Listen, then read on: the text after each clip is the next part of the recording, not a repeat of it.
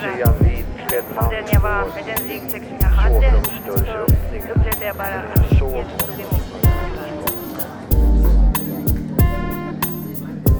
Röster från Sankta Clara med Maj-Lis Johansson.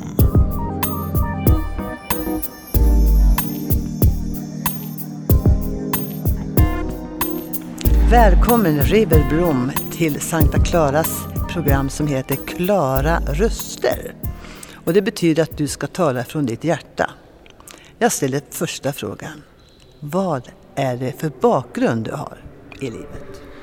Tack för det varma välkomnandet. Eh, min bakgrund den är kantad av olika problem men eh, jag tänker på när jag var liten så, så gick jag alltid och bar på en stor rädsla för att min pappa skulle bli arg.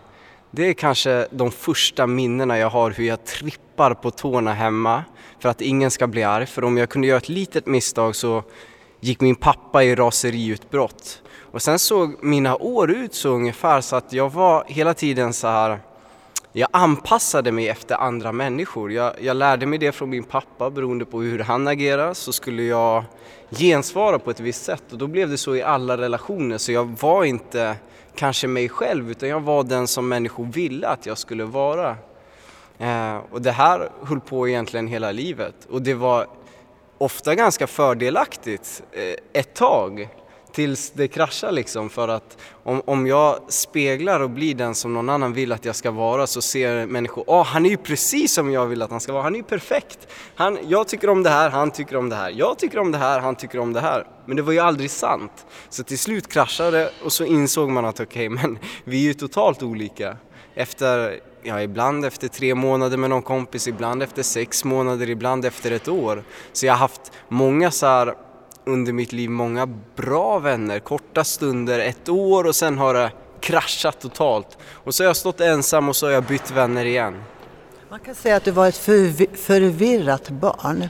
För en, ett barn som har en pappa och mamma, eh, det är ett barn som är tryggt när man har en pappa som älskar dem. Man behöver aldrig göra sig till. Men pappas roll är att tala om för dig vad som är rätt och fel. Din pappa sa alltså aldrig till dig vad som var rätt och fel, utan du hade bara inställningen jag ska ligga bra till. Vilket våldsamt jobb du hade egentligen. Ja, kanske sa han till mig några saker såklart som det här är rätt och det här är fel, du får inte stjäla eller sådär. Men jag vet inte om jag någonsin tog in det riktigt utan det var mer som att eh, det var verkligen mer som att, som att, ja men här ska jag passa in för att han blir arg. Han, han blev arg över minsta lilla och jag ville inte göra honom arg. Så då var mitt fokus alltid på att inte göra honom arg och i relationen till andra, då var jag som min pappa att, att jag blev arg. Jag tog efter min pappa, jag såg ju upp till honom. Han var ju störst, bäst och starkast, han var familjens huvud och ja, än idag så är han min pappa och jag har mycket kärlek till honom. Men han är långt ifrån perfekt. Så det var verkligen ett trippande på tårna. Det bästa är att du blev till, enligt Bibeln. För där står det att du är planerad. Mm. Det kan man ju inte tro när man tänker efter på ett sätt. För du har ju en brokig bakgrund. Mamma, pappa och många syskon. Och många syskon med lite melerat uppväxt kan man säga. Eh, kan du kort berätta lite konkret mamma, pappa, barn i din uppväxt här? Alltså jag tänker börja med det du sa där om att jag har en... Eh, en eh, eh du sa, sa att jag var planerad, att jag var genomtänkt och det är ganska kul med mitt namn. Jag heter River och alltså jag, jag har alltid i hela mitt liv hört av mina föräldrar att jag är döpt efter en öl. Utefter att min, eh, min mamma och min moster satt och diskuterade om namn och så sa min moster, han kan ju heta Bartolomaios. Och så sa min pappa, aldrig i livet, han får heta River och slog ölen i bordet. Och sen har jag alltid trott på det här. Det har jag alltid haft nära hjärtat så här och jag har tyckt att det var ganska kul själv. Sen när jag har blivit äldre har jag tyckt att det var mindre kul kanske och åh, jag är döpt efter en öl men i vissa sammanhang så har det ju gått hem otroligt bra. Och sen så jag har haft det lite som en, en grej så men Sen satt jag i bön en gång med en, en man efter att jag hade blivit kristen och då, då säger han från ingenstans här, du heter inte, på tal du sa att jag var planerad, då sa han från ingenstans här, du heter inte River efter vad dina föräldrar har sagt till dig. Du heter River för att Herren har kallat dig till att vara ett flöde. Och då kände jag i mitt hjärta att det är på riktigt, det är sant. Det blev levande det här ordet. Det blev levande. Vad heter det? Du har ju ett flöde när du pratar. Man hör att livet bor i dig. Om man skulle bara koppla bort barndomen, grunden, den var väldigt tuff. Lite kort vad du kom in i för missbruksvärld. Berätta om den. Ja, nej men jag flyttade, alltså jag bodde, hade sex syskon och eh, de flyttade ganska snabbt till olika håll. Så när jag var tio år, då bodde jag egentligen själv med min mamma och pappa. Eh, och min pappa som jag sa var aggressiv under alla år så han var alltid men han var verbal mot min mamma och också aggressiv med fysiskt och ibland så, så slog han henne och sådär. Så, så efter många år så gav min mamma igen och eh, hon hamnade i fängelse då efter att hon knivhugg honom. Och eh, i den här vevan så, min pappa överlevde, mamma hamnade i fängelse och jag bodde med min pappa ett tag, några månader, men det var också ohållbart. Och så flyttade jag till fosterfamilj. Och där så flyttade jag runt i olika familjer och var ganska ja, men otrygg i mig själv, fortfarande den här personen som skulle passa in. Det var väl bara på fotbollsplanen jag inte behövde passa in för där var jag, där var jag bara jag, där var jag så bra att jag behövde inte passa in. Men i andra sammanhang så passade jag in och var retsam och sådär. Det där tycker jag var en härlig upplysning egentligen. Att idrotten kan förvandla människor väldigt positivt. Mm. För du utövar en fysisk aktivitet då. Och du fick kompisar och du hörde hemma någonstans. Du kanske inte tänkte på det då. Men jag tänker direkt, där räddades kanske din själ kan man säga. För tänk dig att kasta sig in i något roligt. Du älskar ju detta livet. Och eh, då hade du inte hamnat i det blivande missbruket heller va? Nej, precis. Utan det, kom, det kom egentligen, när jag gick i åttan så blev jag mer intresserad av tjejer än av fotboll. Och då slutade jag egentligen med fotboll för att satsa och träffa tjejer och festa och alkohol. Och sen så var jag tillsammans med en tjej i ungefär ett år och sen när det tog slut, då hade jag testat att röka cannabis en gång. Ja, typ här i Santa Clara, i, i de här trakterna. Jag åkte in till Stockholm en helg och, och testade att röka på med en kompis. Så, så det som hände var ju att efter jag hade gjort slut med min tjej, då hade jag testat att röka innan en gång i Stockholm och då blev det naturligt att jag rökte mer för att eh, ja, men dämpa ångesten och inte möta känslorna. Jag tror killar ofta är så om det tar slut i en relation, vi vill inte möta våra känslor utan vi vill fly. Och det kan vara, det kan vara musik, det kan vara fotboll, det kan vara gym, det kan vara droger, det kan vara alkohol. Så jag flydde i ja, flera år egentligen, tre, fyra år innan jag började tänka och bearbeta vad är det som har hänt och sådär. Det är, för mig hörs det som ett hopp för de som lyssnar, som är inne i det här att fly. En besvikelse är svår att ta. Det kan vara svår i 20-årsåldern som du är i, 40, 60 eller 100 om det finns sådana. Därför besvikelse är det som vi aldrig vill ha, vi människor. Vi vill ha frid och fröjd, vet, det hela paketet. Men livet är ju oftast tvärtom en kamp för alla människor. En, vi står egentligen inte ut med den här världen. I den här världen föddes du in och du lever och du är 21 år. Du började med barndomen, missbruket. Så hände någonting i ditt liv. Det här var ju inget kul. Fotbollen var kul visserligen. Missbruket var kul när det var så att säga. Men det höll på att bli en katastrof i ditt liv. Berätta nu River, när flödet kom och Jesus bara fanns. Så det var en ganska lång process. Jag var ganska trögfattad. Jag visste hela tiden att Gud fanns. Det var... Jag har flera gånger under mina år sagt du finns inte Gud.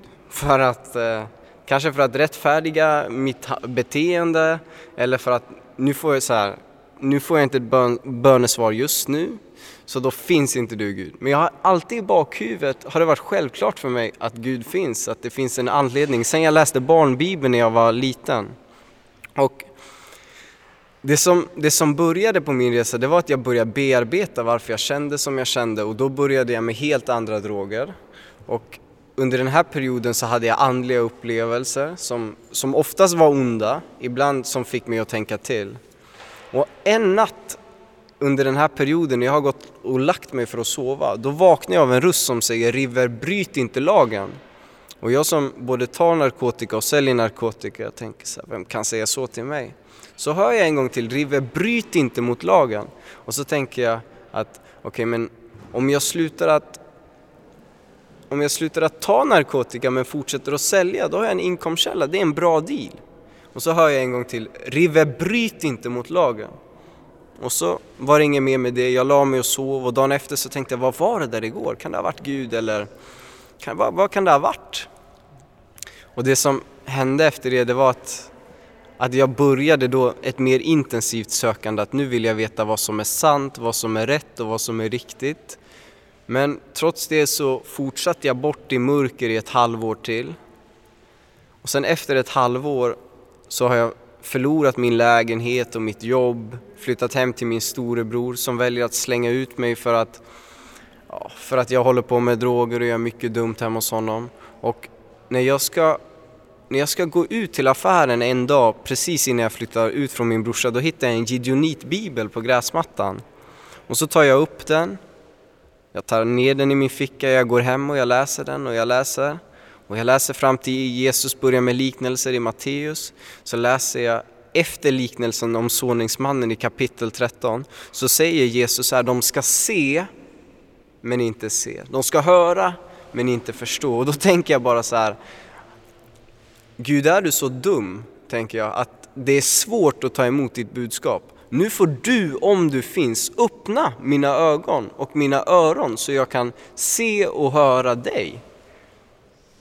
Och sen slänger min brorsa ut mig, tre, fyra dagar efter. Eh, jag har ingenstans att ta vägen, jag har droger att sälja. Så jag åker in till Västerås som är närmaste stora stad och när jag kliver av där så möter jag en gammal kompis till mig som, som jag bodde granne med förut. Och han kommer fram till mig och säger så här, River du mår inte bra. Får jag be för dig? Och så frågar han så här, vad behöver du? Så säger jag, men jag behöver någonstans att bo för jag är utslängd och jag behöver ett jobb. Och, och så, så, så jag behöver någonting nytt, alltså det här funkar inte längre. Och då går han iväg med mig, sätter sig inne på stationen och så ber han. Jag har aldrig sett någon människa skina så, och så ber han så här. Jag ber att du ska få ett jobb i Jesu namn, jag ber att du ska få en lägenhet i Jesu namn och jag ber om att du ska få ett nytt liv i Jesu namn. Och från att alltid ha trott på Gud så blev Jesu namn så nära mig. Så när jag gick därifrån, från min kompis den dagen, då gick jag ut och sa Jesus, om du finns, visa dig för mig. Och så började jag klaga över allt mörker i mitt liv. Och medan jag klagade över allt ont så, så började jag se allt ont jag hade gjort mot andra. Och så bara tänkte jag att det var som att jag fick syndanöd utan att ha ordet på det. Så bara såg jag att jag är inte en så bra människa efter allt och jag behöver verkligen Gud. Du är helt fantastisk att berätta och vet du vad du väcker upp i mig? Vi har en sak gemensamt du och jag. Barnens bibel läste vi båda. När jag fick min kallelse hit till Klara för nio år sedan, då sa Gud läs Gideon. har jag aldrig läst, sa jag till Gud. Du läste det som barn, ta fram barnens bibel. Och det gjorde jag. Det du läste som barn med barnens bibel och jag, det såddes in i vårt hjärta. Men det bar frukt som vuxna. Så jag uppmuntrar alla som hör det här vittnesbördet till föräldrar, Köp barnens bibel till era barn. Du ser vad River har gått igenom och funnit. Och jag har funnit Jesus Kristus som är vägen, sanningen och livet. Och han lever och han lever i oss. Det står, man tar emot honom i sin ande. Vi blir född på nytt, det gamla är förgånget och något nytt kom i Rivers liv. Det är vi tacksamma för och vi ser en strålande kille, blond, Också han har blåa ögon och ett svensk, typiskt svenskt utseende. Han är helt underbar. Vi älskar honom som vår egen broder verkligen i Kristus. Så välsignat ska det här vittnesbördet vara och bära frukt. Amen. Amen. Har denna berättelse berört dig på något sätt? Eller kanske vill du att vi ber för dig? Kontakta oss på info snabel-a Sverigeskristnaradio.se